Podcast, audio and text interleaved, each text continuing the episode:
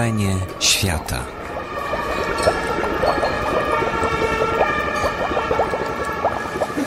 Dzień dobry, ja się nazywam Agnieszka Lichnerowicz i um, jestem dziennikarką Radia TOK FM e, i będę miała teraz wielką przyjemność e, poprowadzić e, rozmowę, porozmawiać z Grzegorzem Szymanikiem.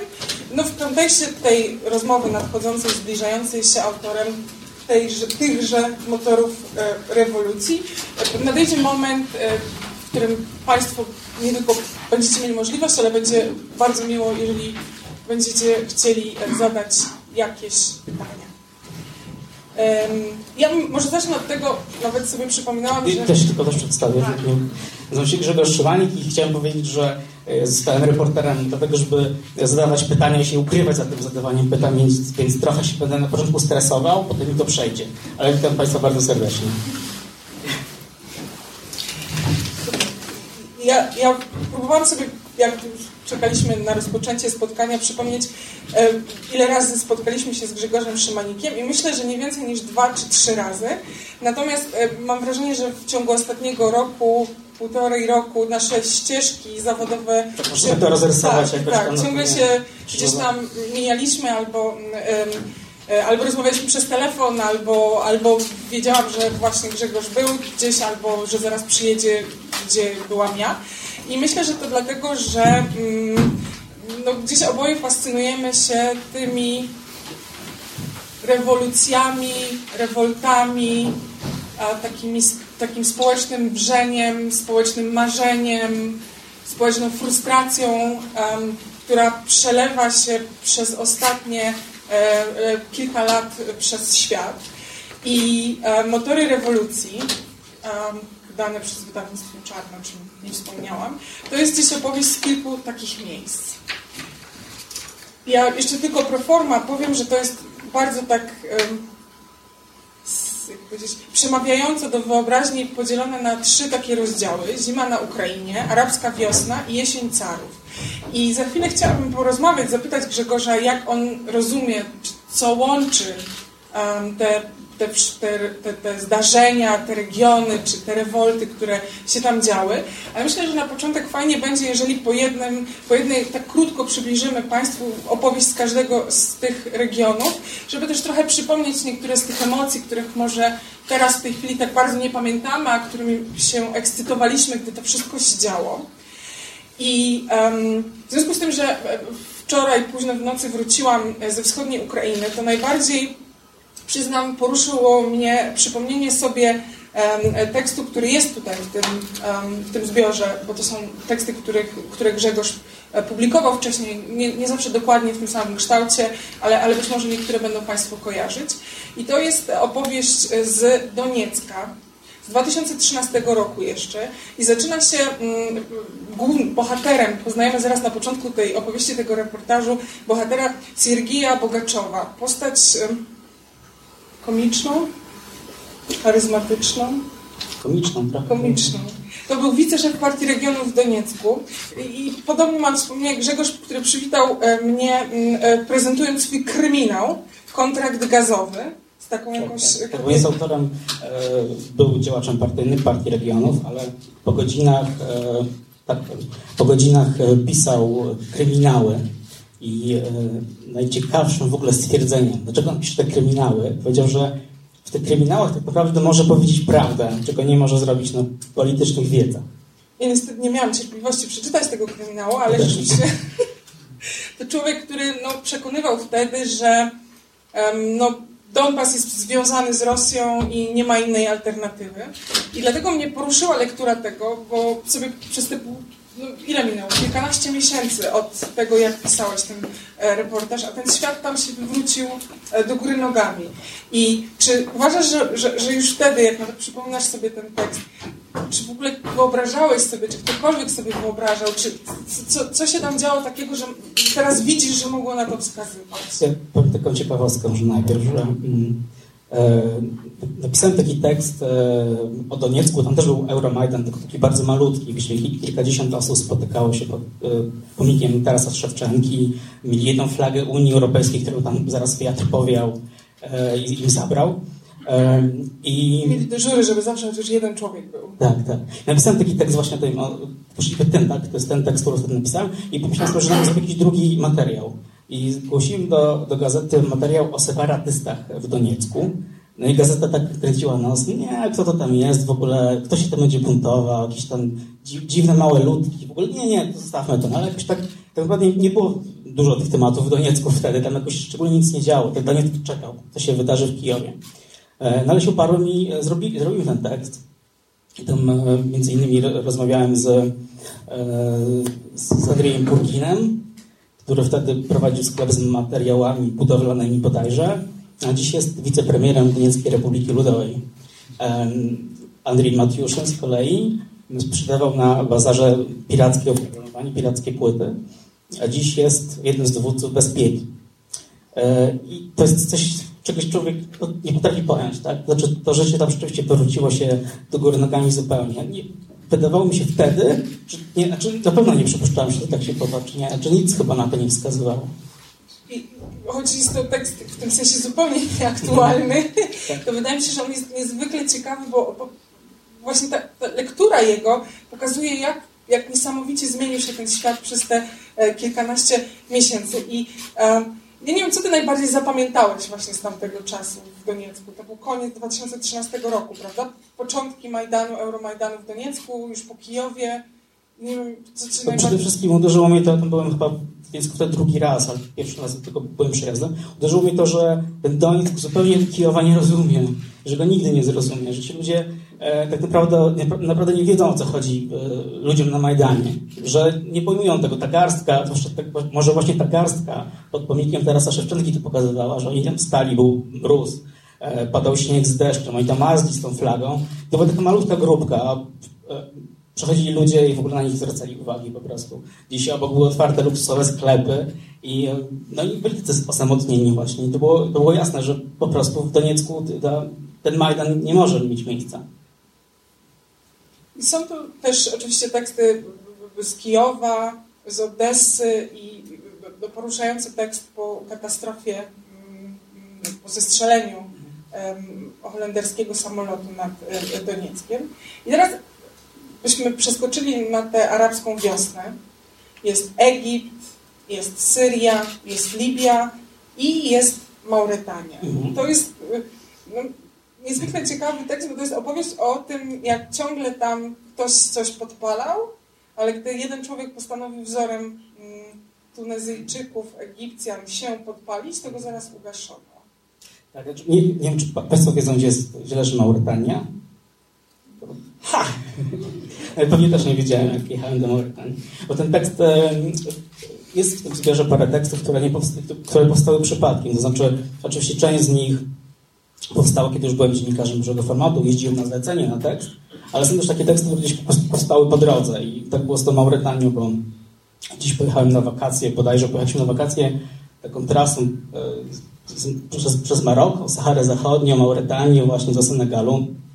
No i w Mauretanii jest, jest e, taka bardzo znana kolej, e, która wozi rudę żelaza z, z kopalni, przez, jedzie przez pustynię, to jest 600 kilometrów do portu nad Oceanem Atlantyckim. E, I jest znana z tego powodu, że tacy hardkorowi przewodnik Lonely Planet, tacy hardkorowi turyści muszą się nią przejechać, bo, no bo ona jest właśnie wykorzystywana jako, jako transport dla, dla biednych Maurytańczyków. Oni nie mogą dotrzeć w jakiś inny sposób do swoich miejscowości, które są, dziś po drodze, e, dziś w środku Maurytanii, więc jadą, e, ładują się tych pustych węglarek, wskakują tam i jadą tak, tak na gapę trochę. No i właśnie jak tam byliśmy, to, to gdzieś trwały te arabskie rewolucje, a w Mauretanii Pamiętacie Państwo, to wyglądało tak, że w Tunezji, w Egipcie podpalali się ludzie, no i to powodowało jakieś e, demonstracje, tak, i w Mauretanii, wyglądało to tak, że w Nawakszucie, czyli to jest, to jest taka stolica, to stolica Mauretanii, też postanowił podpalić się przedsiębiorca. 40-letni przedsiębiorca, e, więc e, wziął kanister z benzyną, zapałki i podpalił się, e, bo myślał, że, że to też wywoła jakieś, jakieś zamieszki, tak? że wywoła to bunt.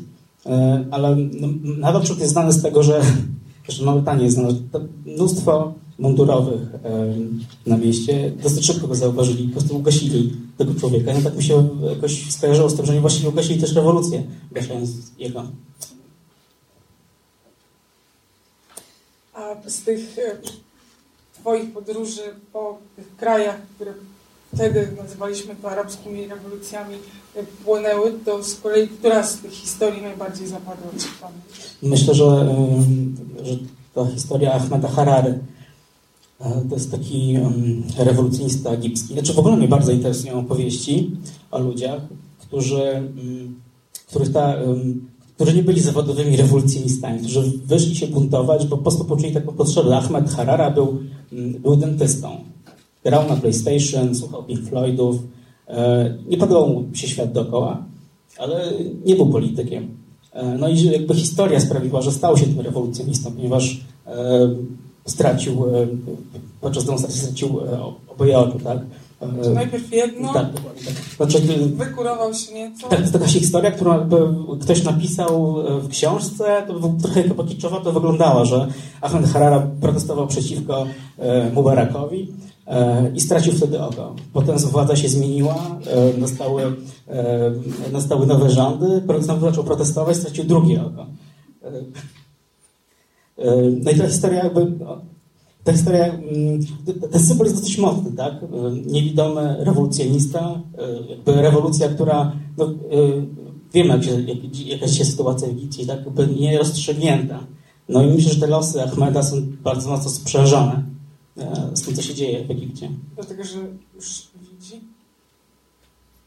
Że on, zresztą on ciągle protestuje, wiesz, on ciągle, on jest niewidomy, teraz go prowadzą za rękę, chodzi na plac, i ciągle protestuje. Jakby też e, to, że, mm, że podczas e, protestów tak bardzo go skrzywdzono, sprawiło, że się zradykalizował, jak to często bywa.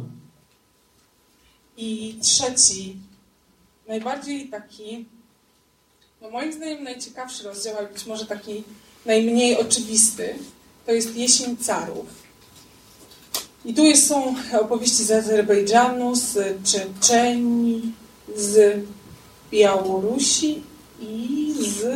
Nawet jest z Polski właściwie. A, właśnie. Ale tak ja się trochę wytłumaczę. Znaczy, moim zdaniem to jest tekst o Białorusi też. On jest z Polski, ale to Może jest... powiedzmy jeszcze słowem, bohater jest um, uciekinierem z Białorusi. Mhm. Przyjechał do Polski. Tak, ma korzenie polskie. Um, uciekł, bo nie podobał mu się system, um, który panuje w jego kraju. I to, co najbardziej mnie zafascynowało w, w tej historii, to to, że mimo, że uciekł e, z kraju z dyktatury czy z kraju autokratycznego, to w Polsce chce budować coś podobnego. Tak? Jest nacjonalistą i ma taki pomysł na, ponieważ ma korzenie, mm, korzenie polskie, ma taki pomysł na to, żeby stworzyć w Polsce Wielką, Polską, Wielką Polskę katolicką i uczestniczy w ruchu narodowym i buduje tę Polskę, Wielką Polskę katolicką. Nie podoba mi się Łukaszenka, ale metody szanuje, tak? Nie, i um, takie pytanie, które się ciśnie um, od razu, to jest oczywiście, dlaczego, o co chodzi i dlaczego ty tam byłeś? Tam wszędzie, gdzie ci ludzie zaczynali wychodzić, krzyczeć, czegoś się domagać. Ja też, ja też, też zadaję to pytanie, bo nie wiem. Czy, ja, mam kilka, mam kilka, ja mam kilka odpowiedzi zawsze, ktoś mnie o to, o to pyta. Teraz często mnie pytają. I tak, pierwsza to jest taka, że wychowałem się w takiej bardzo małej, spokojnej miejscowości, gdzie nigdy nic się nie działo. Moje... Dlatego jeszcze urodziłeś się w roku 85, czy w zasadzie wszystko zostało rozstrzygnięte? Tak, no i mam jakieś, jakieś takie pierwsze wspomnienia, które mam e, swoje, to mój tata, który rozwiesza plakaty z Wałęsą gdzieś na murach. E, ja to gdzieś pamiętam, że jakby się otarłem o rewolucję, ale nie doświadczyłem jej, tak? Zresztą mój tata już nie lubi Wałęsy, też jest bardzo ciekawy. To zresztą taki... Jest opowieść tak, tak, bo tak, ja bardzo lubię, może tutaj, nie wiem, czy w tej książce to widać, ale nie, mnie nie interesują na tyle same rewolucje, tylko to, co dzieje się potem, bo to takie punkty przełomu. Jak człowiek wychodzi na ulicę się buntować, to takim pierwszym punktem przełomu jest to, że doświadcza przemocy. To zdarza się z przemocą. I wtedy się musi jakoś do tego ustosunkować. Tak? I często właśnie ludzie się radykalizują albo odchodzą z tego buntu. A drugi taki punkt to jest e, to kiedy rewolucja wygrywa, No i ludzie są zawiedzeni zwycięstwem, to zazwyczaj, no, ponieważ to Karol Mozelewski napisał ostatnio w tej, w tej książce, tylko była, zejście tylko była historii, że rewolucja jest, jest właściwie nigdy, jest zawsze nieudana albo niemożliwa, nigdy nie będzie taka, jak sobie wyobrażali rewolucjoniści. No i to, to jest e, dobrze, że oni nie wiedzą o tym, bo inaczej nie byłoby rewolucji, świat by się nie zmieniał, ale oni nigdy nie będą zadowoleni. Ten punkt przełomu, że, gdzie ludzie są zawiedzeni tym, co nastąpiło, też jest bardzo ciekawy. No i trzeci punkt jest to, że czasem nowy system, który powstanie po rewolucji, e, staje się drugą dyktaturą, tak jak nie wiem, w przypadku Kaddafiego, który też był rewolucjonistą, e, został dyktatorem i go zmiotła znowu kolejna rewolucja. I to mnie jakby najbardziej interesuje. A drugi, mam też jakby inne wyjaśnienia tego, po co tam jeżdżę. Tak mi się wydaje, że bardzo ważne dla każdego są takie pierwsze poważne lektury. Które, jak, jako twoja była pierwsza poważna lektura?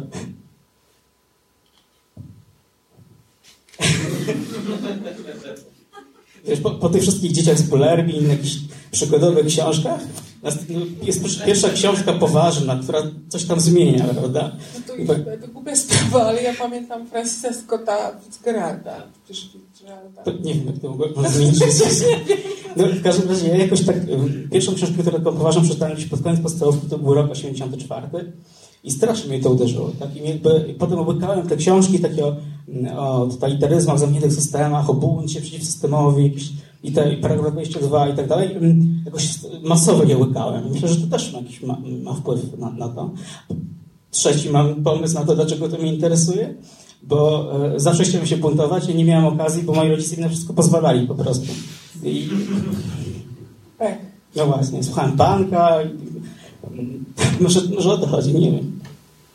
Znaczy, to, jest, to są fascynujące historie i myślę, że mm, też ja, ja tak to rozumiem że mm, znamy rewolucję w tych wydaniach ideologicznych, y, znamy te rewolucje 68, znamy te rewolucje, które się przetoczyły y, przez nasz region związane z, z, upadkiem Związku Radzieckiego i tą zmianą wielką systemową. A teraz mamy chyba do czynienia z czymś, czego jeszcze nie potrafimy zrozumieć. I, I ja to tak czytam, że to jest takie niezwykle frapujące, że trudno to nazwać, nie wiadomo do czego prowadzi. I to jest to, o czym Ty wspomniałeś i, i co może być takim, mi się wydaje, mylące, gdy ktoś bierze do ręki tę książkę, czyta Motory rewolucji, widzi to zdjęcie z Majdanu i oczekuje opowieści o niezłomności ludzkiego ducha, o zwycięstwie wolności i jednostki. Nie masz żadnej optymistycznej tak naprawdę historii. No, no tak, zdecydowanie. Znaczy, no bo jak spojrzysz na historię, to zawsze, znaczy każda rewolucja tak się kończy. Czy y, dzieci kwiaty z 1938 roku były zadowolone z tego, jak się skończyła ich rewolucja? Nie, nie sądzę. Ja jestem.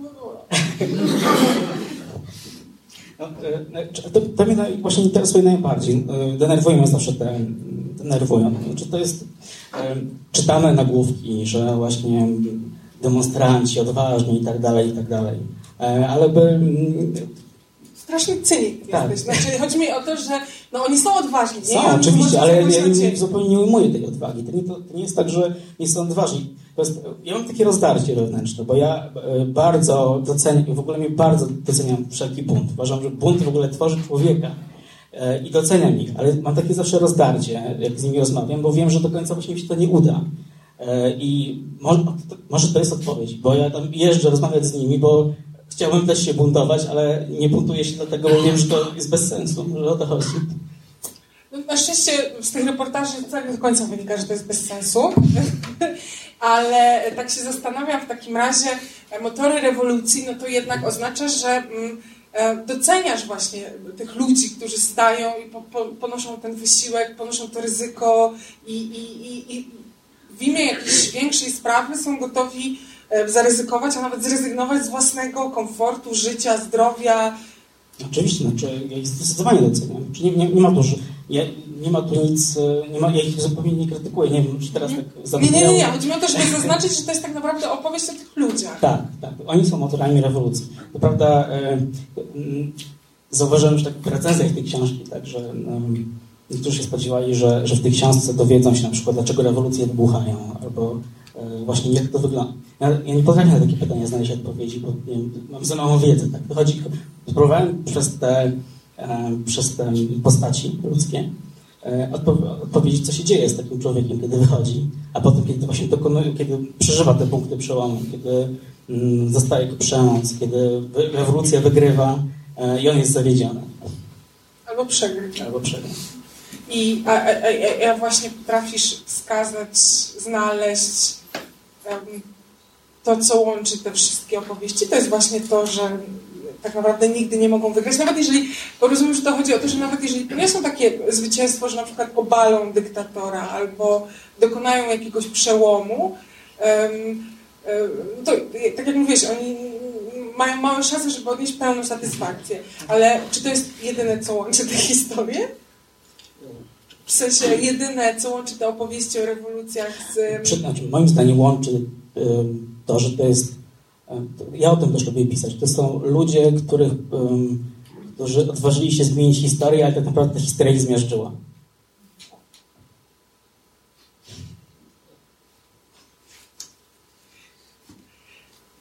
I to jest, i to jest, to jest niesamowite, dlatego że... Mm, no właśnie, to też jest opowieść o tym, jak chyba w naszych czasach, to jest opowieść może o naszym pokoleniu trochę, że my już nie mamy takich prostych odpowiedzi, że już e, właśnie to też jest opowieść o tych protestach, że to nie jest tak, że ci ludzie wychodzą z jakimś gotowym projektem, wiedzą czego chcą i, i mogą to wygrać, tylko to jest bunt, niezgoda, um, ale, ale nie mamy właśnie takich prostych odpowiedzi. To jest to, że sami nie do końca w to wszystko wierzymy, chociaż też nie godzimy się na tę rzeczywistość. Ja nie wiem, ja to czytam, to rozumiem, że to jest trochę też opowieść o naszych czasach i o naszym pokoleniu.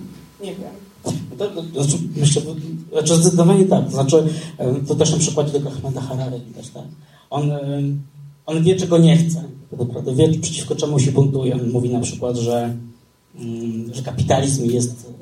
Kapitalizm to są rządy Mubaraka. Tak? On wie, że nie chce kapitalizmu na przykład w Egipcie wie, że nie chce mm, bractwa muzułmańskiego urządów, wie, że nie chce powrotu, znaczy rządów generałów. Ale rzeczywiście oni nie mają gotowego projektu. Nie wiedzą tak naprawdę, jak ten kraj ma wyglądać. No i to wykorzystują ci, którzy, e, którzy działają cynicznie, którzy potrafią wygrać tę władzę, tak?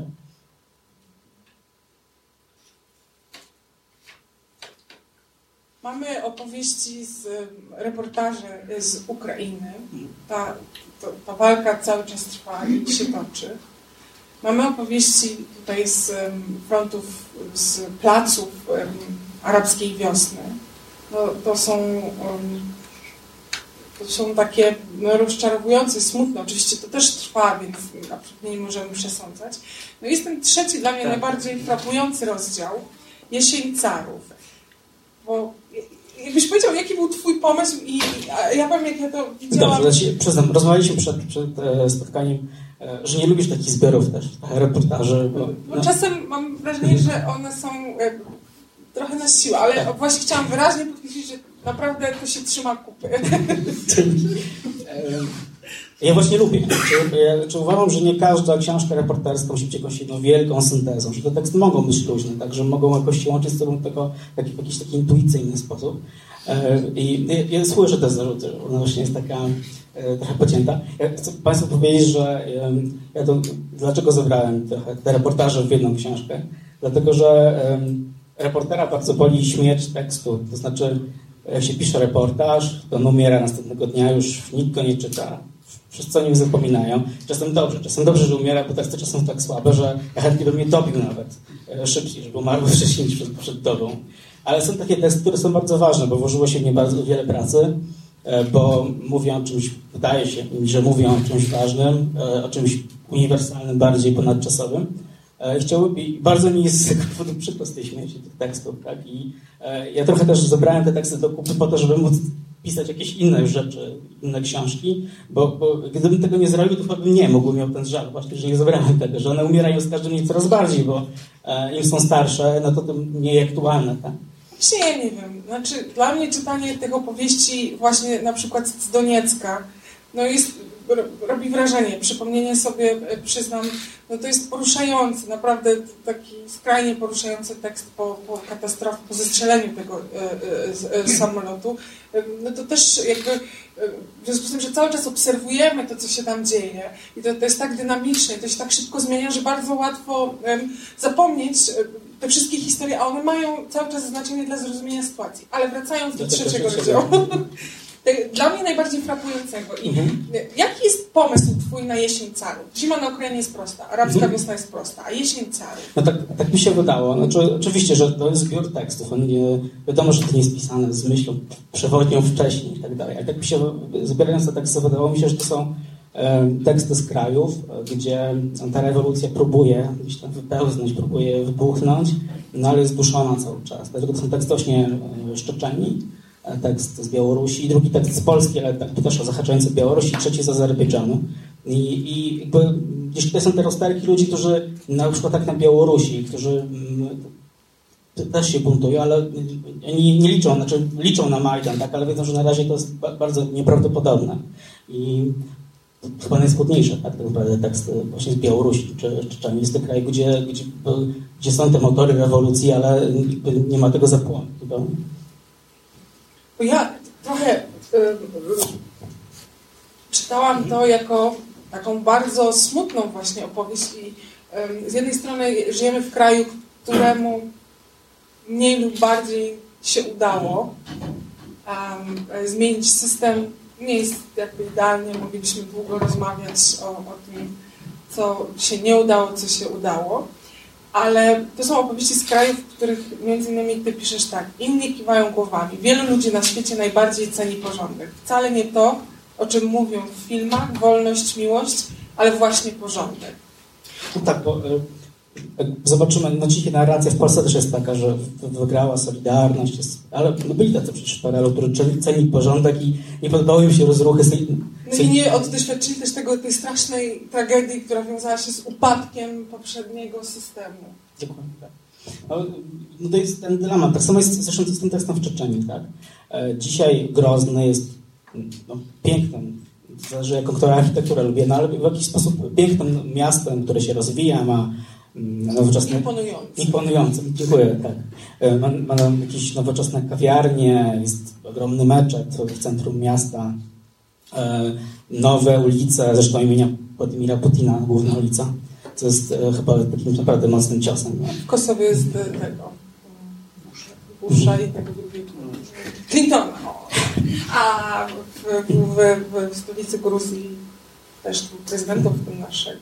No właśnie i, i ten Grozny się, no, jakby patrzymy na zdjęcia, które przed 20 lat, czy nawet 10, no to, to, to ruiny, tak? Jakby te ulice, które są, które są dzisiaj lśniące, tam kiedyś były po prostu rowami pełnymi gruzu, zwłok czasem. E, no i to jest, niektórzy Czeczeni, e, oni nie są zadowoleni może z rządów Kadyrowa, ale mówią, że e, dzięki temu, znaczy czują radość z tego, bo idą ulicą, wiedzą, że nie muszą się bać, że teraz ktoś do nich strzeli, albo że mogą pomalować sobie dom i wiedzą, że zaraz nikt nie podziurawi kulami. Jakby to też jest... Znaczy, trzeba docenić to, to umiłowanie porządku też w jakiś sposób, tak? Kiedyś można było zbierać krew kubłami, teraz sączy się elegancko pokryjony. To jest jakoś tam poruszające. Albo... Bo, bo przyznam, że mnie to bardzo nurtuje i frapuje i mam jakąś taką osobistą niezgodę na to, ale z drugiej strony um, dlatego mi się wydają te teksty być może najciekawsze, a być może dlatego, że najmniej o nich rozmawialiśmy w ostatnich tych miesiącach, czy nawet dwóch, trzech latach. To znaczy tą arabską wiosnę dużo o tym mówiliśmy, analizowaliśmy. Ukraina od, z oczywistych powodów najbardziej, a y, bo tak jest pokój i spokój, mówi Misza, czego więcej chcieć. Jeszcze mówił wtedy, to też jest ciekawe, mówił wtedy, nie potrzeba nam takiego chaosu jak na Ukrainie, ale on to mówił w 2011 roku. Jeszcze. No a teraz to już w ogóle nie ma chyba żadnej nadziei na Białorusi, no bo co? Wzywać ludzi na plac po to, żeby e, zaczęła się wojna i krew polała? Znaczy, e, ten tekst Białorusi, on jest on jest, to miejscowo, on jest z miejscowości, skąd pochodzi Aleksander Łukaszenka. Z Taka... Nagrodzony nagrodą PAP i Mir, Szerdek Opuściński. Tak, zresztą razem z tobą. Nasze ścieżki. Te znowu, nasze ścieżki znowu się wtedy tak skrzyżowały. To jest takiej miejscowości, gdzie urodził się Aleksander Łukaszenka Koszkowa. Miejscowość e, trochę zabawna, bo nazywa się Aleksa, Aleksandrowka, bodajże tak. Aleksand... Coś z Aleksandrem. Aleks... Aleksandrejka. Aleksandrejka. A nie, Aleksandrejka to jest, tak, Aleksandrejka. W każdym razie, tak, ja, dlatego tak sobie postanowiłem, że to będzie taki tekst trochę mityczny, w sensie taka opowieść, anty, taka antybaśń e, o człowieku, który został prezydentem. I w tej miejscowości e, znaczy pojechaliśmy tam właśnie zobaczyć, jak, jak wygląda miejscowość, którą, e, w której pochodzi Aleksander. I ludzie żyją tam w totalnym ubóstwie. Znaczy domy się rozpadają, ale obok jest wielki kompleks sportowy z jacuzzi, z saunami, gdzie ci biedni ludzie jeżdżą za darmo no, dokonywać tam kąpieli. I to jest właśnie ten absurd cały rządów Aleksandra Łukaszenki, bo on postanowił właśnie, że sprezentuje swoim ziemlakom, tak? coś, coś da w prezencie. E, no i właśnie postawił centrum sportowe, jacuzzi, sauny, gdzie te chatki wszystkie się rozpadają zupełnie i ludzie jadą do tego jacuzzi na rowerach w błocie. Coś słyszałam kogoś, proszę się ujawnić. Ale wiele osób to też, tak jak Pan mówił o Czeczeni, chwali Batko Łukaszenkę za to, że jest porządek, że jest czysto. Nawet Polacy jak jadą, dla Polaków też wolność nie ma takiego znaczenia. Ważna by była micha pełna i spokój, prawda? No oczywiście. Znaczy... To jest właśnie, mi się wydaje, dla, tak, dlatego tak frapujący rozdział, bo to jest właśnie rozdział chyba o, o tym, że mamy taką romantyczną wizję, myślę, mówię może o sobie bardziej, nie wiem. 25 lat wolności, o to pan z Pożylandola powiedział Jeszcze raz? 25 lat wolności, tak, za sobą. No. Którą pan z Pożylandola był tak łaskaw w czerwcu określić. Ale to nawet nie chodzi teraz o politykę, żebyśmy się spierali, tylko bardziej nie, o... Nie chodzi o politykę, tylko nasza wolność, wie Pan, jest bardzo iluzoryczna, tak? Za chwilę może jej nie być. Nie. Kto jej zagraża? My sami, bo nie będziemy chcieli bronić, tak? Bo się liczy tak naprawdę Micha cały czas. O, myślę, że Pan jest w błędzie. To możliwe. To jest też trochę o tym jest ta książka, prawda? No tak, dokładnie. To, dokładnie, to bardzo piękne, że Państwo się tak kłócą, bo to jest właśnie książka o trochę takich kłótniach między dwiema wizjami. Między, między ludźmi, którzy e, wychodzą na plac, bo boli ich to, że, że nie ma wolności słowa, że ktoś im zabrania demonstrowania, a między e, ludźmi, którzy uważają, że to nie jest takie wcale ważne, że ważniej, ważniejsze, może dużo bardziej potrzebnym człowiekowi jest właśnie ten, może Micha, Albo ta spokój. destrukcja, która jest związana ze zmianą, ten chaos e, jest bardziej przerażający, e, bo gdyby była pewność, że powstanie coś nowego, lepszego, to pewnie by to wzięli, ale często to się wiąże z chaosem, z niepewnością, tak, tak, tak. No z kryzysem. Dokładnie tak. Czy nie ma odpowiedzi pewnie, czy w tej książce nie ma odpowiedzi, co jakby, mm, no ja, osobiście czuję oczywiście, mm, tak jak wspomniałem wcześniej, sympatii do tych, którzy wchodzą się buntować, bo czują dyskomfort tego braku wolności, tak, wolności słowa. E, ale jakby też nie mogę, też jakby nie, zupełnie nie ignoruję tych, którzy właśnie mówią zupełnie inaczej. Znaczy bardzo mi przeszkadza też w polskich mediach, że jakby się pomija y, y, trochę tych ludzi z Doniecka, tak, to, to, czego oni tam chcą tak naprawdę że, że właśnie, że co, oni tam siedzą, nie buntują się przeciwko tej Donieckiej Republice Budowej, ale oni właśnie chcą, nigdy nie chcieli tego, co się dzieje. Oni chcieli właśnie spokoju. Ktoś mi to, to zabrał. Jakby też brakuje mi tego um, wysłuchania Ale też bym ich nie mitologizowała. w sensie, ale no to jest pewnie opowieść na, na, na kolejny reportaż i Mam nadzieję, że one będą, bo e, niestety nie zapowiada się, by ta sytuacja miała się jakoś tam rozwiązać albo e, ustabilizować. E, ja może zapytam, bo może tak się tutaj dyskusja wywiązała. Jeżeli ktoś z Państwa już teraz chciałby mm, zadać jakieś pytanie, to, to ja bardzo zachęcam. A jeżeli nie, to też będzie jeszcze później okazja. Również. Czy Pan mógłby kontynuować tę kwestię właśnie wschodniej Ukrainy, tego Doniecka, bo tego punktu widzenia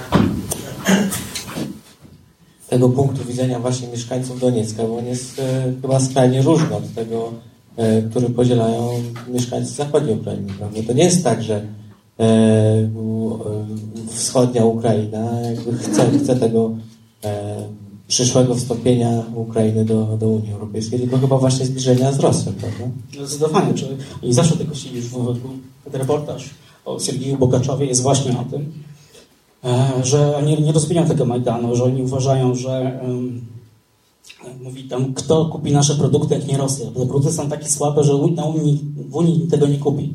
E, ale też... e, Ale on też jest aparatczykiem. a to nie mówił akurat Bogaczow, tylko, tylko ludzie. I to też ciekawe, napisałem e, w lipcu taki tekst, którego tutaj nie ma, bo się nie, zdążył się zmieścić, ponieważ już książka była tam zamykana, e, o takiej działaczce mm, właśnie proukraińskiej z Doniecka, Marii, starszej pani, która jest nauczycielką em, matematyki E, i była, też właśnie działaczką tego Euromajdanu, tej małej grupki ludzi, które się tam spotyka. I mm, ona ciągle e, wierzyła, że właśnie Donieck e, jest taki sam jak Kijów. I pamiętam, jak powiedziała, powiedziała mi taką historię, chyba właśnie ten punkt przełomu, kiedy się zorientowała, że, że to wcale nie jest e, wszystko tak pięknie, tak, że to już, że, że, że, już, tak, że już nie ma odwrotu.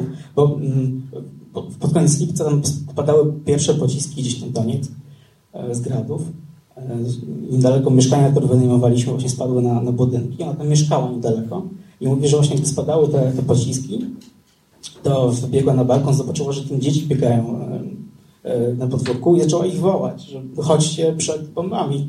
I dzieci zaczęły krzyczeć do niej, e, tak, to ukry nas bombardują, śmierć ukrom. Jak to były dzieciaki takie, które ona uczyła w szkole, tak, uczyła ich właśnie po ukraińsku, żeby one mm, nauczyły się tej ukraińskości. No i to był ten taki punkt, kiedy ona się zorientowała, że to, że to jest zupełnie inny świat też. Ale nie wydaje się też, że to też nie, nie, nie, nie, może mamy taką potrzebę kategoryzowania i mówienia, czy, kto, czy oni są za Ukrainą, czy oni są za Rosją, a być może nie da się tego tak prosto e, rozdzielić w te, te dwie sakwy, e, Ukraina, Rosja, że, że, mm, że tożsamość tam nie jest tak silnie narodowa, jak może jest w Polsce, gdzie my mamy jednoznaczną pogląd na temat tego, jakby naszej tożsamości i, i że czasami po prostu też trudno mm, opisać im samym, em, czy są za Ukrainą, czy za Rosją i gdzieś ktoś ich zmusza, ta wojna zmusza, a oni Tak, tak, tak. Czy oni zresztą mówili zresztą tutaj już w grudniu, że oni nie czują się Ukraińcami w żaden sposób. Oni są, obywatelami Ukrainy. To tak jest chyba piękne. Tak. Nie są tak, że nie, wcale, nie czują się Ukraińcami, ale wcale niekoniecznie są do Rosji. Dokładnie. Tak jak mówiłaś też przed tym, że są za mirem po prostu. Tak, to moje doświadczenie ostatnich dni to jest, że większość to jest my za mir. Ani za Rosją, ani za Ukrainą. Wsiora, Czy no. brakuje nam też różnych sposobów do opisywania tej sytuacji, tak, żeby wpychamy ich w jakieś szablony w jakiś sposób. I myślę, że to, to, to, to, jest ciekawe i oczywiście można też. em, to jest. Myślę, że wielką wartością re, reportaży, reportaży tych tu jest to, że em, analitycy, eksperci no, używają języka, i to, to oczywiście jest bardzo potrzebne, w którym opisują te procesy polityczne, historyczne, socjologiczne. Mówią nam, że na przykład procesy narodowe z Europy nie dotarły tak daleko na Ukrainę Wschodnią, jak dotarły na Ukrainę Zachodnią, albo mówią, że industrializacja Związku Radzieckiego tak silnie wpłynęła, dlatego nie ma tożsamości. Ale właśnie w reportażu wydaje mi się, się super to czyta, bo no on właśnie nie zmusza do, do, do takiego kategoryzowania wszystkiego, tylko trochę trzeba poczuć No tak, sytuację. ja, przyznam się, ja na przykład jestem fatalnym korespondentem, nie się na korespondenta. Nie potrafię tego robić, na przykład na Krymie musiałem to robić, nie potrafiłem tego robić, bo no, od korespondenta wymaga się, żeby podawał te e, wiadomości z góry, tak, ktoś, ktoś ważny coś powie, żeby to przekazać, jeszcze najlepiej zinterpretować. E, Ja nie wiem, no, tego nie rozumiem. Tak, jakby, że- żeby zrozumieć jakąś sytuację, to muszę porozmawiać po prostu z ludźmi. I to było takie dosyć zabawne właśnie na Krymie. To, to, to akurat tutaj nie ma, nie wyda- nie wydało mi się, że nie pasują trochę.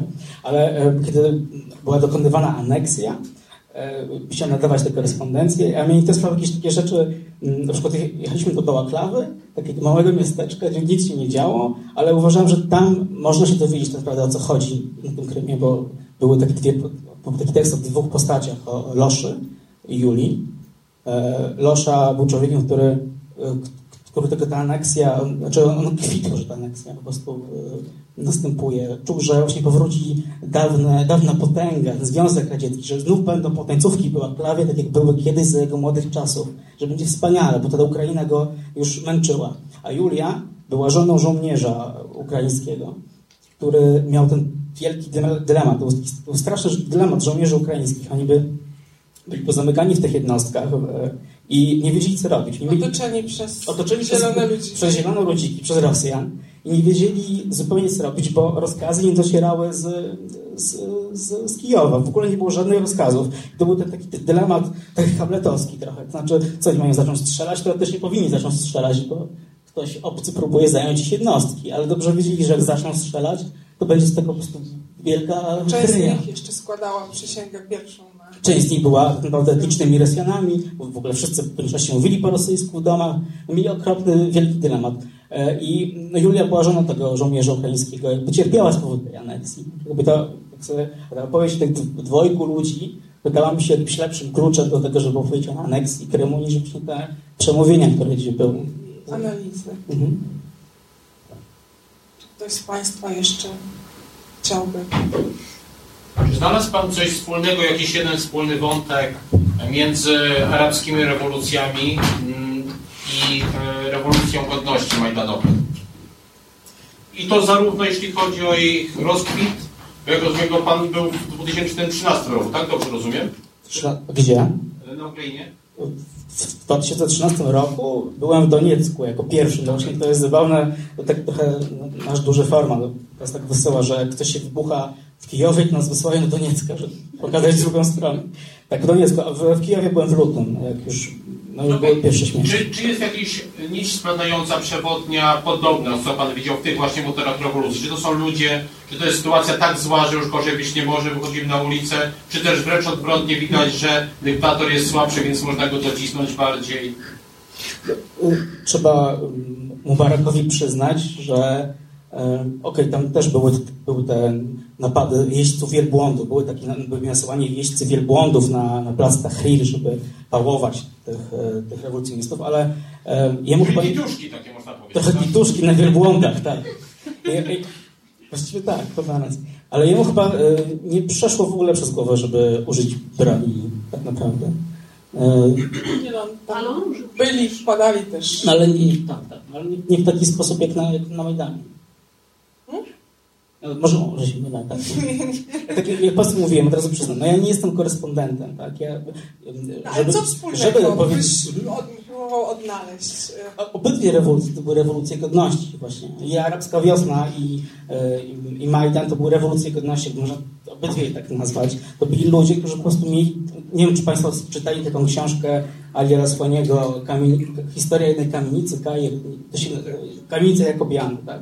Tam jest świetnie opisane to, co ludzi wkurzało w Kairze w ogóle w Egipcie, w systemie Mubaraka. No i to było to samo, co trochę krócej, ale to samo, co tworzył Janukowicz. Jakby to, e, to był kraj, w którym po prostu zwykłemu człowiekowi nie, inaczej nie sposób było żyć. Po prostu. I już nawet nie chodziło o te sprawy wolności słowa, tak? czy, czy tego, że nie można demonstrować, ale tego, że po prostu nie można funkcjonować e, w tym systemie, e, żeby jakby nie płacić w cudzysłowie haraczu tym, którzy są u władzy. I korupcja tak naprawdę gdzieś pewnie była tym powodem, o którym się w sumie mało mówi, właśnie próbując. No tak, skostnienie polityczne, korupcja. Czy to Pana satysfakcjonuje? Dziękuję bardzo. Czy ktoś z Państwa jeszcze coś by chciał dołożyć? To ja bym w takim razie, em, bo ja cały czas ta jesień carów mnie tak em, e, frapuje, e, że, że to jest taka opowieść trochę o tym, jak Związek Radziecki upadł, rozsypał się, czy został rozsypany. I inaczej niż u nas, gdzie gorzej lub lepiej ta demokracja, wolny rynek się budują, były budowane. Jak podkreślam, z mniejszym lub większym sukcesem, z większą lub mniejszą satysfakcją dla ludzi. Tam ta demokracja się skompromitowała, to znaczy chyba wszystko było za bardzo w gruzach em, ktoś za szybko próbował to No skonstruować. tak, teraz ta demokracja po prostu się źle ludzie kojarzy zupełnie z latami dziewię- 90., e, czyli mafią, właśnie korupcją no i e, właśnie z tymi gruzami, tak? I kiedy dla ludzi w Rosji znowu zaczął się porządek, no od rządów Władimira Putina, bo to jest też taki klucz do zrozumienia tego, dlaczego w Rosji nikt się nie buntuje, no bo jest lepiej, są lata 90. I, I nie wiem, chciałam Cię zapytać, który z tych tekstów dla Ciebie był taki najbardziej poruszający, taki, no, no, taki najsmutniejszy, nie wiem, wzruszający? Czy najbardziej poruszający zdecydowanie ten ja... To jest e, Czeczeń. Nie, ten, ten z, z, z, z, z samolotem pod Donieckiem. To był taki tekst, który, znaczy, nie, nie, no, czasem takie reporterzy mówią, że nie mogą pisać, bo ich to boli i tak dalej, i tak dalej. Nie wiem, czy, czy często jest prawda, czasem, czasem blaga i tak dalej, e, ale w tym wypadku naprawdę nie mogłem tego pisać po prostu. I, ale kiedy zacząłem to pisać, to jakby e, ja się strasznie z tekstami męczę. Tam potrafię wiele dni, żeby napisać coś. Albo ten tekst napisałem za jednym razem, jakby sam wpłynął, ktoś go napisał wcześniej. E, No, to, co rozumieć? No, jest, nie musiałem nic poprawić. To był tekst, który właściwie wyszedł mi za pierwszym razem. W sensie jakbym go wyparł z siebie, wiesz. To było jak e, pojechaliśmy tam pod, pod Doniec, gdzie były jeszcze te fragmenty samolotu, silniki, e, walizki, buty dziecięce, jakieś gazety, wszystko leżało na podwórkach ludzi i te opowieści ludzi, którzy, którym po prostu e, te, te zwłoki jak jak konfetti właściwie spadały na, na podwórka. Było coś, co, co mnie jako e, reportera, który trochę już widział, ale wcale tak- nie tak dużo, bo nie jestem już taki stary, naprawdę, no, naprawdę, no, e, zatelepało. Tak? I to, to jest taki tekst, który i wtedy naj, najciężej mi się pisało, jakby i dzisiaj jakby nie za bardzo potrafię opowiadać, co tam widziałem. Dla mnie, bo to jest oczywiście mm, ten tekst, o którym mówisz po katastrofie, on jest najtrudniejszy, bo mm, no, no z oczywistych powodów, ale mm, dla mnie najbardziej poruszający jednak chyba z tych wszystkich jest tekst Czeczeni. Właśnie o tym, jak kiedyś można było zbierać krew kubłami, teraz sączy się elegancko e.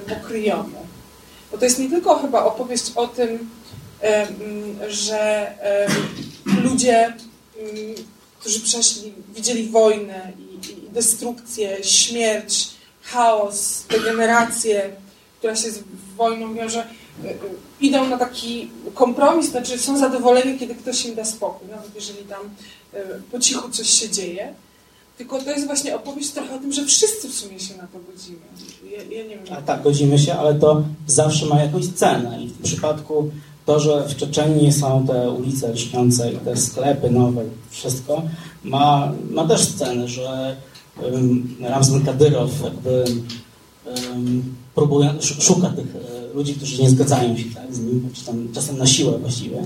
E, No no oni są ofiarami. Po prostu ludzie czasem znikają z domu, nie wracają, czasem są znajdywani, czasem nie. E, No to tym też jest taka mm, niebywałe okrucieństwo w sposobie, w jaki oni znikają, sposobie, jak ich los jest trzymywany w tajemnicy. Znaczy, samo zniknięcie jest tylko trochę początkiem do zadania bólu wszystkim związanym z tym człowiekiem. Że takie niebywałe okrucieństwo ja w tym wszystkim odnajduję.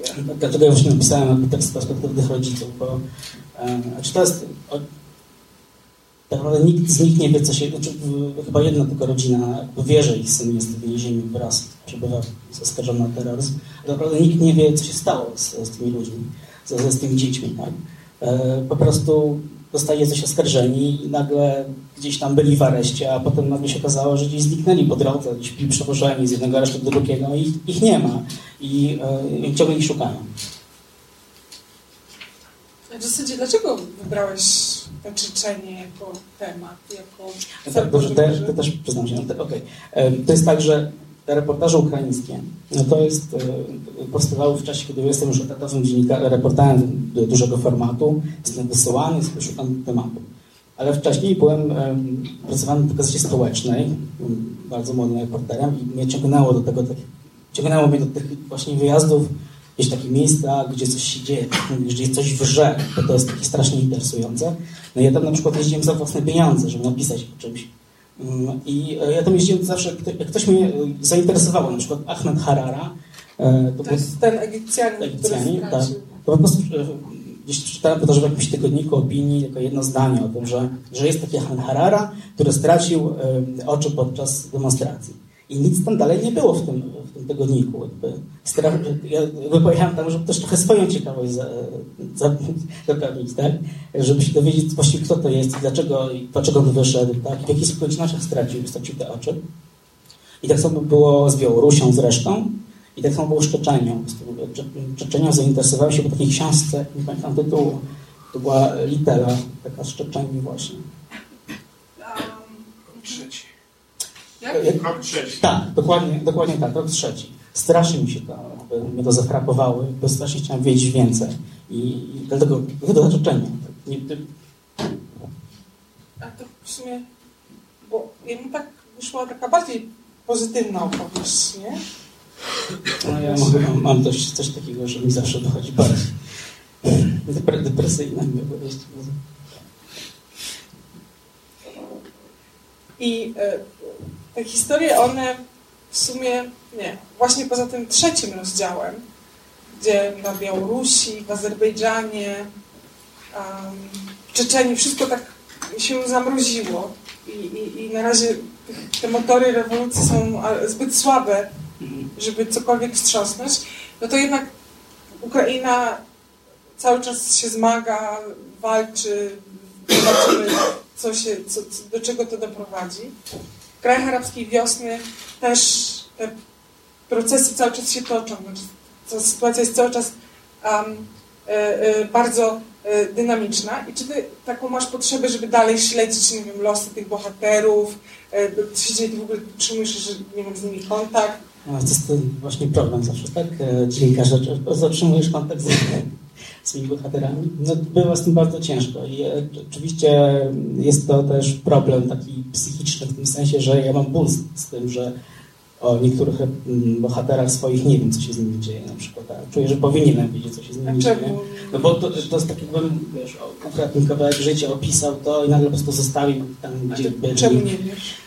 No właśnie, nie- bo wiesz, czy wiesz jak to jest, e, opisujesz historię, e, jedziesz w jakieś następne miejsce i kolejny jest bohater. Ich jest potem już dziesiątki są. To jest możliwe, że wszystkim utrzymywać. E, A może wybranie tylko kilku byłoby też błędem, dlaczego nie, nie tych, a nie innych. Po prostu to jest, e, to jest naprawdę zawsze wielki e, problem dziennikarzy reporterów, co się dzieje z ludźmi, którzy byli w terapadach, się ich zostawiło i tak. Na mam taki chyba największą z, z, z bohaterem tekstu na Białorusi, z Piotrem Migórskim. To był taki, on mieszka w, w tej miejscowości, gdzie, potem właśnie w Szkłowie, czyli daleko tej miejscowości, skąd pochodzi Aleksander Łukaszenka. Wszyscy polecali mi tam, żeby jechać do Piotra Migórskiego, jedź do Piotra Migórskiego, bo to jest taki fajny człowiek, on się buntuje przeciwko Łukaszence i nikt mu nic nie robi. I jak tam pojechaliśmy, to okazało się właśnie, że stracił pracę, miał wielką depresję, znaczy on tam chciał jakieś obrazy sprzedawać swoje rodzinne i tak dalej, i tak dalej.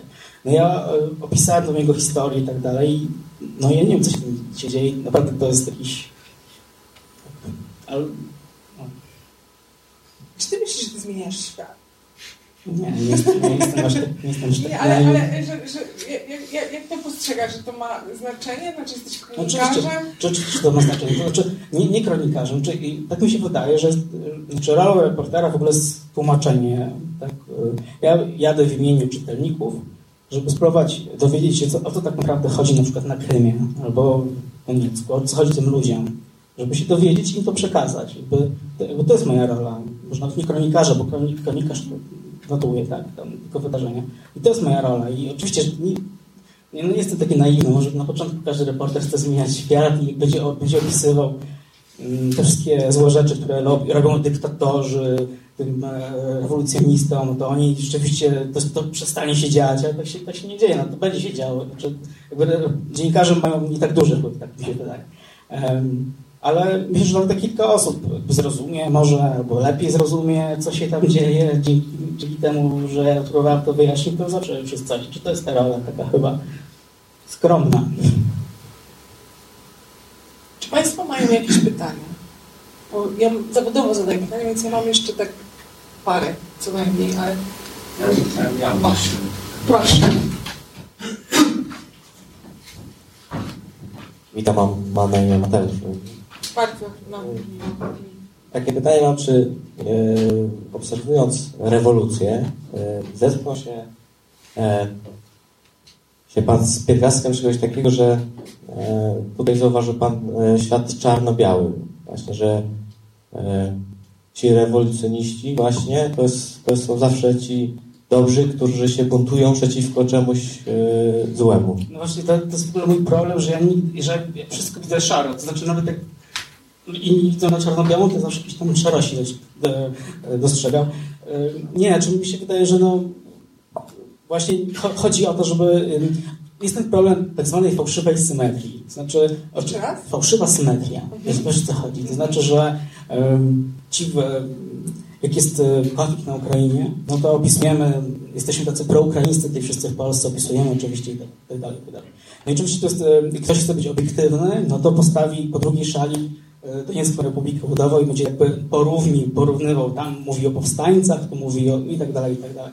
Oczywiście to też jest ten problem, żeby też nie iść w tą fałszywą symetrię, bo to nigdy tak nie jest. No jakby, jakby duchem dziś czuję oczywiście związek z tymi, którzy są, którzy byli na Majdanie, jakby mocny związek.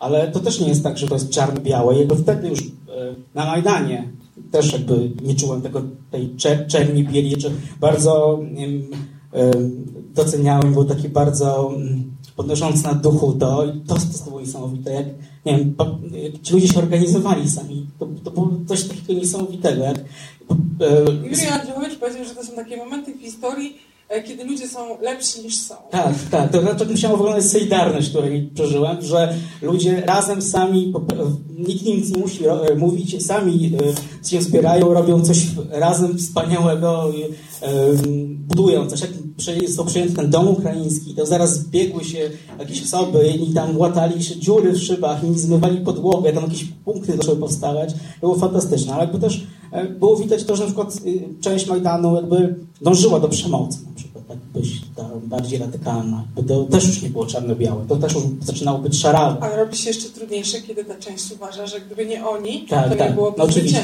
oczywiście.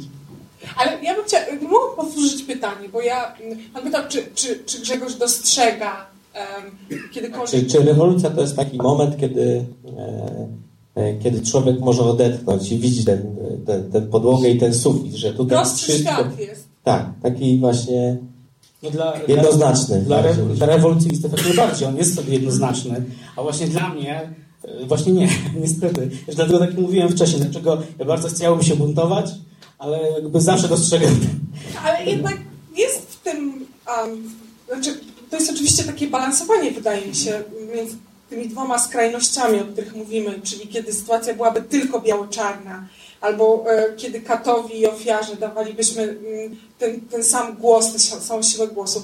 No ale czy nie jest tak, że jednak w tych momentach em, takiej próby i trochę, trochę to się staje prostsze, bardziej czarno-białe niż każdego innego dnia? Oczywiście, to, to, znaczy, to jest. E, e, pam- pamiętam takie, e, takie momenty na Majdanie, że chyba z redakcji nam przysyłali takie polecenie, to porozmawiajcie z berkutowcami. I to wydawało nam się już jako dziennikarzom, którzy w sumie powinni z nimi pogadać, w tym momencie, wtedy, kiedy były pierwsze ofiary, zupełnie na miejscu, nie chcieliśmy tego robić. Rozmowa z berkutowcami przez katem. W tym momencie tak, to było czarno-białe. To znaczy nie, nie chcieliśmy rozmawiać z katem wtedy. Mi się wydaje, że to też mm, zazwyczaj wszystko ma różne płaszczyzny. Tak, jeżeli mogę tak siebie ukraść na chwilę uwagę, nie? że na przykład jak mówimy o tym, co się teraz dzieje w Donbasie, to, to jeżeli patrzymy na to jako em, sytuację między dwoma krajami, no to e, też widząc pewne szarości, no ale widzimy się, który kraj jest agresorem, a który się broni. Nie znaczy, że jeden jest święty, a drugi jest tylko diabłem, e, bo każdy ma, bo są te wszystkie szarości, o których e, Grzegorz mówi, no ale gdzieś jednak ktoś jest agresorem, a ktoś się broni. Jeżeli spojrzymy na jako konflikt geopolityczny, ta sytuacja robi się jeszcze bardziej skomplikowana, bo wiadomo, że tam się krzyżują różne interesy różnych innych krajów. Gdy patrzymy na to jeszcze w ogóle w skali bardziej mikro, no to jest trochę wojna domowa w rozumieniu emocji ludzi, tego jak ta wojna ich podzieliła, jak ta wojna ich rzuciła, jak ta wojna ich zradykalizowała. Więc pewnie, pewnie pewne sytuacje, nie wiem, pewnie są bardziej czarno-białe, tylko że takie postrzeganie świata byłoby chyba bardzo niebezpieczne, tak mi się wydaje, dla reportera. nie wiem, tylko też jest trudno czasem Tak, emocjom Reporter, się reporter też ma swoje emocje, tak? Jakby nie, nie można ich oddzielić. Wiadomo, że czy jadąc do Doniecka ja też jakby czuję troszkę mniejszą sympatię do ludzi, którzy są, są dzisiaj u władzy w Doniecku, e, ale to nie znaczy, że nie staram się ich zrozumieć. Tak? Ja zresztą tak e, mam coś takiego, że ja się łapię czasem na tym, że to e, w Odessie jest taki tekst Tak, jest taki to- fragment. to taki tekst, nie wiem czy Państwo pamiętacie tę sytuację, sytuację 2 maja spłonął dom Związku Zawodowych. Był taki konflikt między, w Odessie był Euromajdan i Antymajdan, czyli prorosyjski. No I doszło do okropnej tragedii. Doszło do zamieszek. Ci antymajdanowcy schronili się w domu Związku Zawodowych, który został podpalony, tak naprawdę nie wiadomo, ale pewnie przez też mieli w tym udział euromajdanowcy. W każdym razie to tragedia e, mm, Odesytów tak naprawdę, bo to po prostu byli, wszyscy, wszyscy byli stamtąd. E, I rozmawialiśmy i z antymajdanowcami, którzy byli w tym domu i ocaleli. Ja sklejam co mogę z relacji, z nagrań, ze zdjęć, z rozmów, słucham jednych i drugich i zaraz łapię się na tym, że zaczynam wierzyć albo tylko jednym, albo tylko drugim. Muszę się pilnować. Policja milczy, milczy prokuratura, trwa rewolucja, nie wiadomo po której stronie skończy Odessa, więc może lepiej się nie mieszać. te, te e, historie, e, ci ludzie, jedna i druga strona jakby przeżyła wielką tragedię i tylko, że inni mieli zupełnie inne historie inne narracje. Tak jakby e, ta historia antymajdanowców była trochę bardziej nieprawdopodobna oczywiście, ale to nie znaczy, że nie, nie trzeba było ich wysłuchać i jakby próbując je zrozumieć, tak naprawdę tam, tam się wydarzyło, łapałem się na tym, że raz wierzę jednym, a raz wierzę drugim, a tak naprawdę tam powstało jeszcze, tak zawsze z każdą tragedią, że zaraz powstaje mnóstwo mitów temat, mnóstwo legend, więc e, Teorii spiskowych. teorii spiskowych, więc tam zaraz tak, e, ci z Euromajdanu wierzyli, że to była taka prowokacja rosyjska, bo ktoś tam przywiózł jakieś pieniądze z Krymu i tak dalej. Niektórzy ci antymajdanowcy wierzyli, że to w ogóle był najazd Amerykanów, że tam Amerykanie podpalili, e, wszyscy zawyżali liczbę ofiar. E, Matka jednego z, jednego z, jednej z tej osoby, która zginęła w płomieniach w tym domu, e, uznała, że to sataniści w ogóle podpalili, ponieważ na czarno byli ubrani. Ktoś uważał, że narkomani, bo znaleźli opakowani po lekach. Jakby te teorie spiskowe, te mity, jakby tak zaraz się tworzą w miejscu tej tragedii. Em, No jakby, oczywiście to, takie rzeczy narkomanów, satanistów, no jakby wiadomo, że to jest niewiarygodne, ale te historie e, ludzi, którzy byli uwięzieni w tym, w tym domu, kiedy on płonął, nie mogli zejść na dół i przeżyli rzeczywiście też straszną tragedię, jakby też, też trzeba było ich wysłuchać. Tak? Jeszcze tych berkutowców e, w czarny czwartek zginęło zastrzelonych, wydaje się, że w większości, jeżeli nie wszyscy ci, którzy zginęli, bezbronnych, nieuzbrojonych ludzi.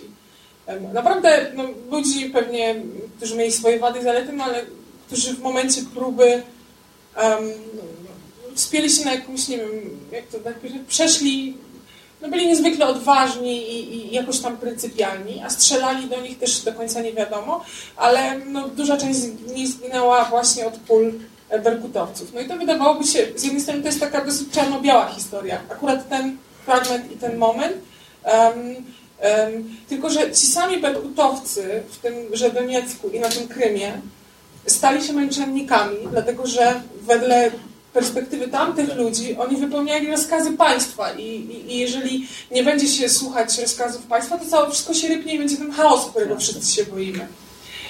No i, i, i, i, i no to chyba już No właśnie, czy, czy to nie jest też tak, że rewolucja to jest trochę takie wyjście z takich codziennych ról społecznych w tym momencie? Czy, czy is- istnieje taki właśnie moment przełomowy, kiedy, kiedy e, tak jak tam berkrutowcy przecież w pewnym momencie chyba przychodzili na stronę e, Majdanu, prawda? Był, Przychodzili? on do końca też nie wiadomo... mm, z nich. Nie do końca. Przypadki jakieś. No tak, znaczy Tam to jest były zawsze... takie historie, że się dowódcy, zdaje się, dogadywali i wywozili ich, ale no, część, e, ta czarna rota słynna, mm, strzelała. To znaczy tam dynamika tych wydarzeń do tej pory nie jest e, jasna, więc na pewno to są z jednej strony decyzje osobiste, ale z drugiej gdzieś polityczne. To, to, to, oczywiście to jest zawsze ten moment, że człowiek musi sobie odpowiedzieć na pytanie, tak, czy wykona ten rozkaz, czy go nie wykona i musi coś zdecydować.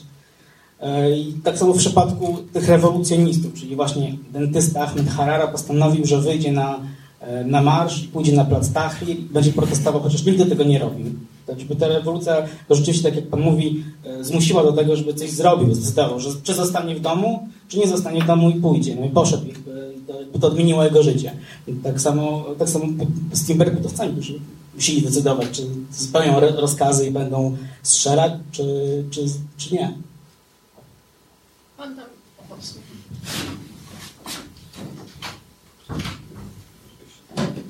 Ja mam takie krótkie pytanie. Pan powiedział dzisiaj takie zdanie, że mm, jeździ Pan te wszystkie miejsca, żeby e, zrozumieć, o co tym ludziom tak naprawdę chodzi, prawda? E, Czy nie miał Pan takiego wrażenia, że ci ludzie są tak naprawdę e, aktorami z napisanymi rolami, a, a, a te role właśnie pisze wielka polityka, geopolityka? A co ciekawe, że Pan powiedział, że to jest takie krótkie pytanie, nie? To jest bardzo długie, znaczy pytanie może krótkie, ale z odpowiedzią które- znaczy, tak do, do końca nie potrafię udzielić. To, moim zdaniem to jest, to jest tak, że oczy- oczywiście po części ma Pan rację, bo oni w pewnym momencie stają się takimi trybikami w maszynie, tak? E, Orientują się, że zaczęli przynależeć do jakiegoś ruchu, który wcale im nie odpowiada, że zrobili już błąd.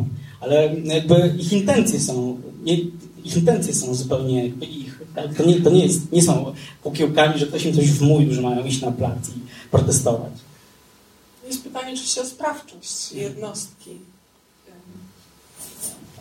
E, Tak, e, ja, ja chciałbym, żebyś, e, e, jeśli możesz, podzielił się taką swoją reporterską obserwacją, bo zetknąłeś się z wieloma ludźmi, którzy doświadczyli przemocy, brutalnej, rewolucyjnej przemocy, które, e, która jest czym innym od tej przemocy, która nas otacza na co dzień i przybiera jakieś łagodniejsze formy uwarunkowań prawnych, warunków ekonomicznych itd., jednak nas wciąż otacza. E, I, i e, Mówiłeś, że ludzie, e, którzy doświadczają tej przemocy po obu stronach, to znaczy po stronie buntowników i, i po stronie władzy, reagują często tak, że albo się radyka- radykalizują, albo raczej chowają, tak, zrezygnują z tego buntu. Czy, e, czy poznałeś też takich ludzi, którzy w jakiś sposób stali się lepsi, szlachetniejsi, e, bardziej e, ludzcy, dzięki temu, że, że doświadczyli tej przemocy? Czy, czy to kogoś ulepszyło? Czy, wiesz, czy to, chodzi o to, że co to znaczy być lepszym człowiekiem w ogóle? Znaczy na pewno ich to zmieniło w taki sposób, że tak, zapisaliśmy taki tekst o Sergieju Zacharowie, takim malarzu z Doniecka, który był naprawdę mocno on, nie wiem, czy pa, Państwo kojarzycie e, Doniecki Banksy, jest tak nazywany Donieckim Banksy, ponieważ jak zaraz powstała Doniecka Republika Ludowa, to on przyklejał na murach takie mm, wizerunki separatystów, go schwytano i e, przez miesiąc mocno torturowano. I on na pewno się zmienił w tym sensie, że zaczął, zaczął go świat obchodzić, bo wcześniej to myślał sobie tylko właśnie o tym, żeby, em, żeby sobie no, zarobić trochę pieniędzy, żeby żyć spokojnie. em, No i, i zaczął malować te rysunki, tak naprawdę nie był do końca przekonany, ale te, jakby te, te tortury no, wydobyły z niego to, że, że dzisiaj już nie chce tak żyć. Mówi, że już go to nie obchodzi. Teraz będzie artystą, naprawdę. Że zacznie żyć pełnym życia, bo teraz w Kijowie udało mu się uwolnić. No nie wiem, czy jest lepszym człowiekiem. To znaczy, to jest nawet pytanie, co lepszym, bo, bo, bo co?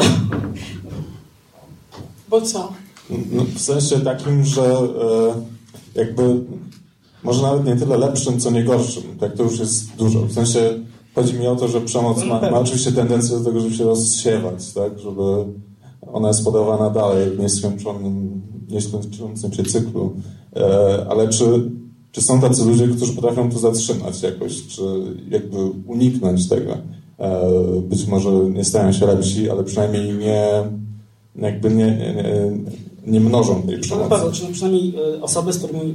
Zresztą książce jest dużo takich, właśnie takich postaci, jak Ahmed Harara, którzy e, to, przez to, że, e, że zostali ofiarami, spotkali się z przemocą,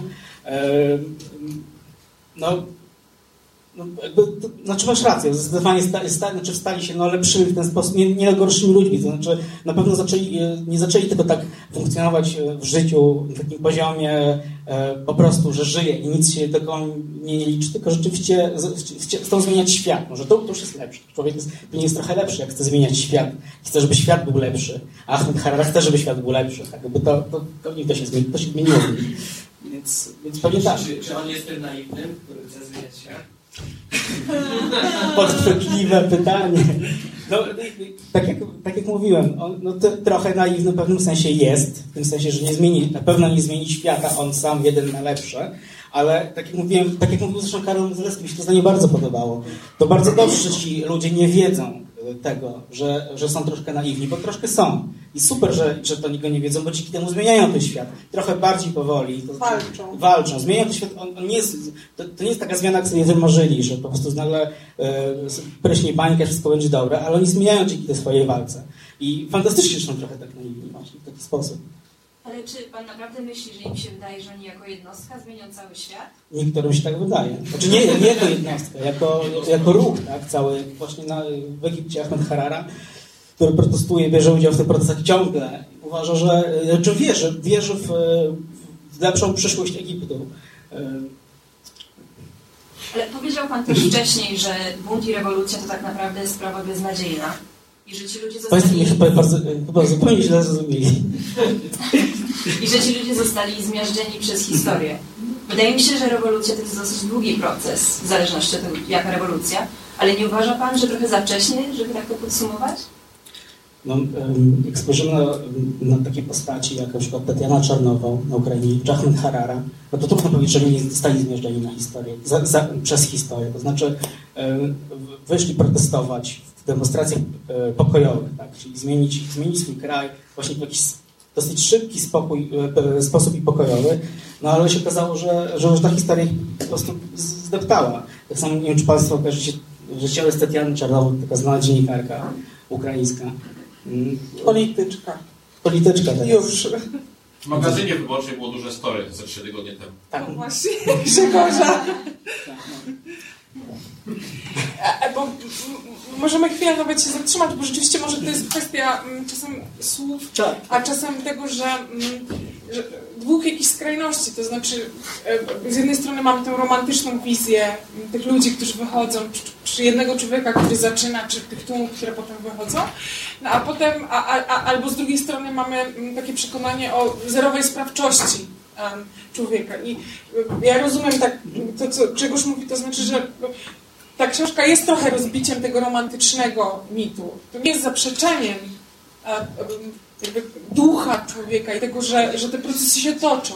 Tylko te opowieści akurat z Ukrainy, z arabskiej wiosny, no są takie, że na razie jednak te jednostki nie odniosły tego zwycięstwa, które na początku może może wielu ludzi ma przekonanie, ja tak to tak rozumiem. Ja nawet nie do końca się z tym zgadzam, tylko tak to rozumiem.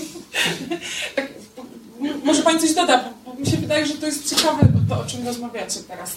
Bo jakoś tak Panią to poruszyło, to co Grzegorz powiedział, tak? Tak, uważam, że jeśli bym brała udział w rewolucji, to zdawałabym sobie sprawę z tego, że jednak jako ten motor rewolucji rozpocznę pewien ruch. Coś się zacznie. Niekoniecznie od razu skończy.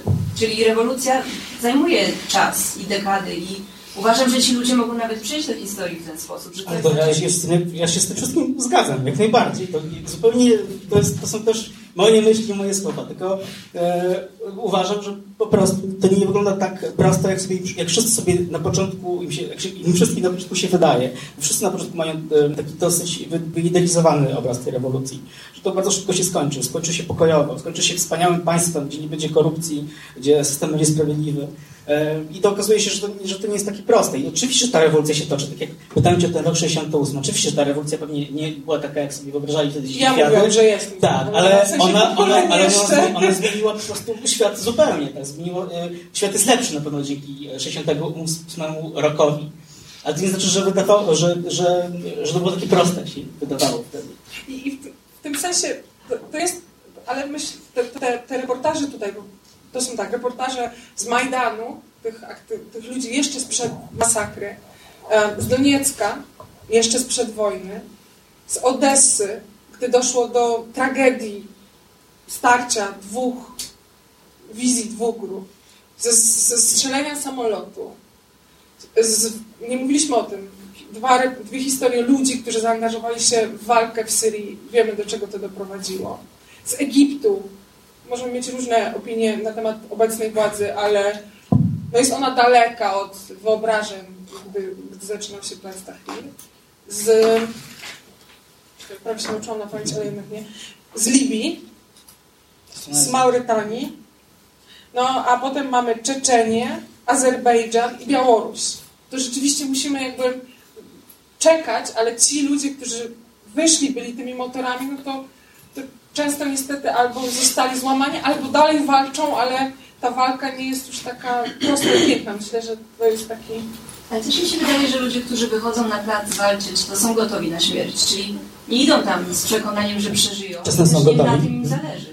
Czasem e, to, to, to zależy, znaczy, tak jak mówię na początku, oni czasem wychodzą, kiedy oni wychodzą na ten plac tak naprawdę, to czasem nie zdają sobie sprawy z tego, że ich może spotkać przemoc. Dopiero w tym momencie przełomowym, co się z nimi dzieje. Tak? Część zostaje, część nie wraca na plac, część się radykalizuje, przychodzą inni. Ale to są bohaterowie. To jest opowieść o wielkich to ludziach. zdecydowanie tak.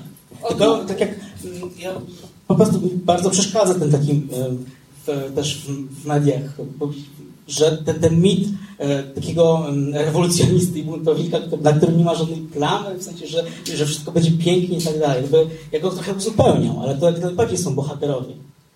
I których ja bardzo podziwiam. Przepraszam, a czy może Pan powiedzieć coś więcej na temat Syrii? Czy w ogóle Pan był w Syrii? Czy, bo ja przy- nie ukrywam, że nie czytałam e, jeszcze Pana książki, ale mnie bardzo interesuje tematyka syryjska. W Syrii byłem bardzo dawno temu, czy jakieś 3 lata temu, a, a w tych warunkach syryjskich to jest szmat czasu, bo tam Ale już po wybuchu wojny. Tak, tak. I to był taki bardzo ciekawy moment. To też, to też był reportaż, na który pojechaliśmy za własne pieniądze z fotoreporterką naszą. I tam bardzo trudno było się dostać, e, bo granica turecko-syryjska była zamknięta zupełnie. Przyjeżdżały tylko przyjeżdżali tylko lekarze i jakiś i chcieliśmy się tam dostać, więc e, jeździliśmy wzdłuż granicy. Na, na granicy turecko-syryjskiej taka płynie taka malutka rzeczka, dosyć głęboka Orontes. E, I tam, tam e, gdzieś w chaszczach w ogóle leśnych spotkaliśmy, znaleźliśmy takie miejsce, gdzie ludzie uciekali z Syrii do Turcji, byli przeprowadzani łodziami, kadziami, takimi beczkami na sznurkach w drugą stronę. No i my postanowiliśmy przepłynąć na drugą stronę, czyli do Syrii. E, I akurat ten rejon, ten rejon, w którym przepłynęliśmy na drugą stronę, Idlib, to był, był już zajęty przez wolną armię syryjską, dezwolony.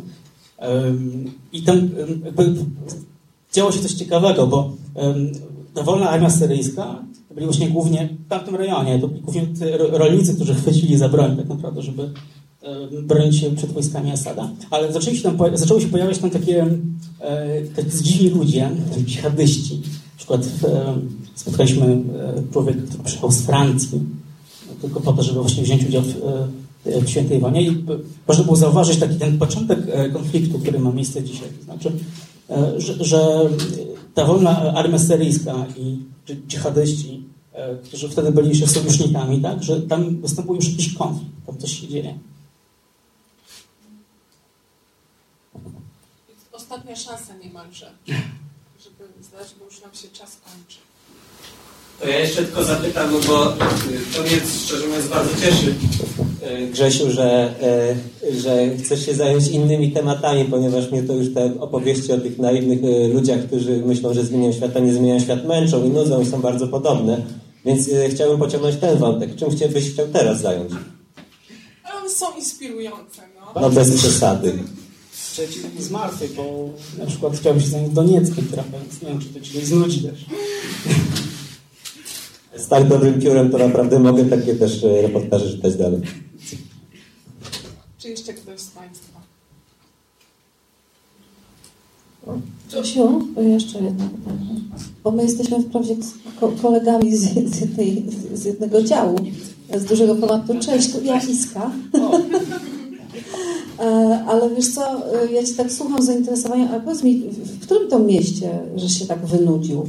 Bo, bo nie wiem. To nie było miasteczko, tylko ma, mała wioska. Aha. Niedaleko Wyszkowa, nazywa się Poręba Średnia. Jak, jak? Poręba Średnia, albo źle trzymam ten mikrofon cały czas. Przepraszam Państwa, jeśli były zakłócenia, ale jest strasznie prostu. Poręba Średnia, niedaleko Wyszkowa. To było bardzo nudno, naprawdę. Aha, to taka wioseczka, tak? Tak. A. Dobra, dzięki bardzo. Jeszcze też Ci chciałam zadać jedno pytanie e, o motywację, e, bo Ty dużo mówiłeś tutaj o tym, że coś Cię ciekawi, że to Cię, że to cię frapuje, e, no ale jednak takie sytuacje jak ta na granicy turecko-syryjskiej i ta decyzja, że przepływacie na drugą stronę. Wiem, że fotoreporterka, która z Tobą była, należy do bardzo odważnych i często podejmujących takie Agnieszka. Tak, Agata, Agata Ale, która jest e, we wschodnim. Ale chciałam Cię zapytać, e, czy to jest dla Ciebie główna motywacja, czy motywacją jest dla Ciebie to, że Ty, bo jednak podejmujesz tematy, które są ważne, e, czy, motywa, czy Ty masz jakąś misję? No, co, co Cię nakręca? Znaczy, ogóle słowo misja brzmi tak górnolotnie, że się No słabo boję- brzmi, ale-. Ale, ale w kontekście takich Po tematów się pojawia, jest- więc jeśli, pytam. jest- jeśli mam pewność, że, jeśli czuję, że coś jest bardzo ważne, jeśli nie to jeszcze, bo to muszę spełnić, musi spełnić dwa warunki, znaczy coś musi być, uważam, że to jest coś jest ważnego, ale też musi mnie to ciekawić, bo jak mnie to nie ciekawi, to też nie, nie potrafię o tym pisać. No i, i to nie jest tak, że to przepłynięcie przez y, rzekę do Syrii to jest jakaś w ogóle niesamowita, brawurowa sprawa. E, Na bo- Facebooku na pewno warto się pochwalić. Na Facebooku. Znaczy, To nie jest tak, że y, ja, ja jakoś za dużo nie ryzykuję tak naprawdę. Znaczy zawsze jest ta, takie pytanie reportera, czy jak tam pójdę i jeszcze dalej, y, tam gdzie jest bardziej gorąco, to się czegoś nowego dowiem, czy coś czy- czytelnikowi przekażę ważnego, tak, czy, czy, coś, czy, czegoś ważniejszego się dowie. No i jak, jeśli nie, to tam nie ma, nie ma sensu, żebym tam szedł po prostu. Znaczy, to jest dosyć chłodna kalkulacja, co niestety, y, czego niestety nie mają fotoreporterzy jak Agata, którzy muszą być jak najbliżej, im bliżej są w ogóle, to, tym, tym lepiej, tak? No i y, no, Agata jest bardzo odważna y, i też wie, że musi to zrobić, więc w tej serii było tak, że jak tylko wysiedliśmy, ja tam się rozglądałem, bo tam jakieś huki były, tutaj mnóstwo ludzi z karabinami, a Agata gdzieś, poleciała już po prostu do przodu za tymi ludźmi. Ona ludzi- strasznie szybko tak, biega. Tak, strasznie szybko biega. Ale wiesz co mnie Grzesiu zmartwiło najbardziej? Że powiedziałeś, że wiele miejsc pojechałeś z własną kasę. No I to jest potworny ale, ale, smutek. ale optymistyczne jest to, że już nie jeżdżę za własną kasę. No, no właśnie, ale mam nadzieję, że to właśnie miał być ten koniec optymistyczny, wiesz, coś optymistycznego, tak? No to bardzo Państwu dziękujemy. Bardzo dziękuję. Em, em, myślę, że tu jeszcze autor się pokręci tak Się. No a przede wszystkim no to odpowiedzi na to pytanie można... mm, Autor twierdzi, że lepiej pisze my. Tak? Zdecydowanie. Bardzo Państwu dziękujemy.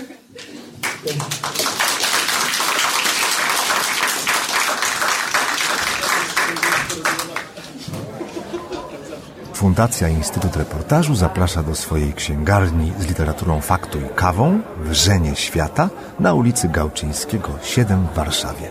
Wejście przez bramy Nowy Świat 48 i Nowy Świat 52.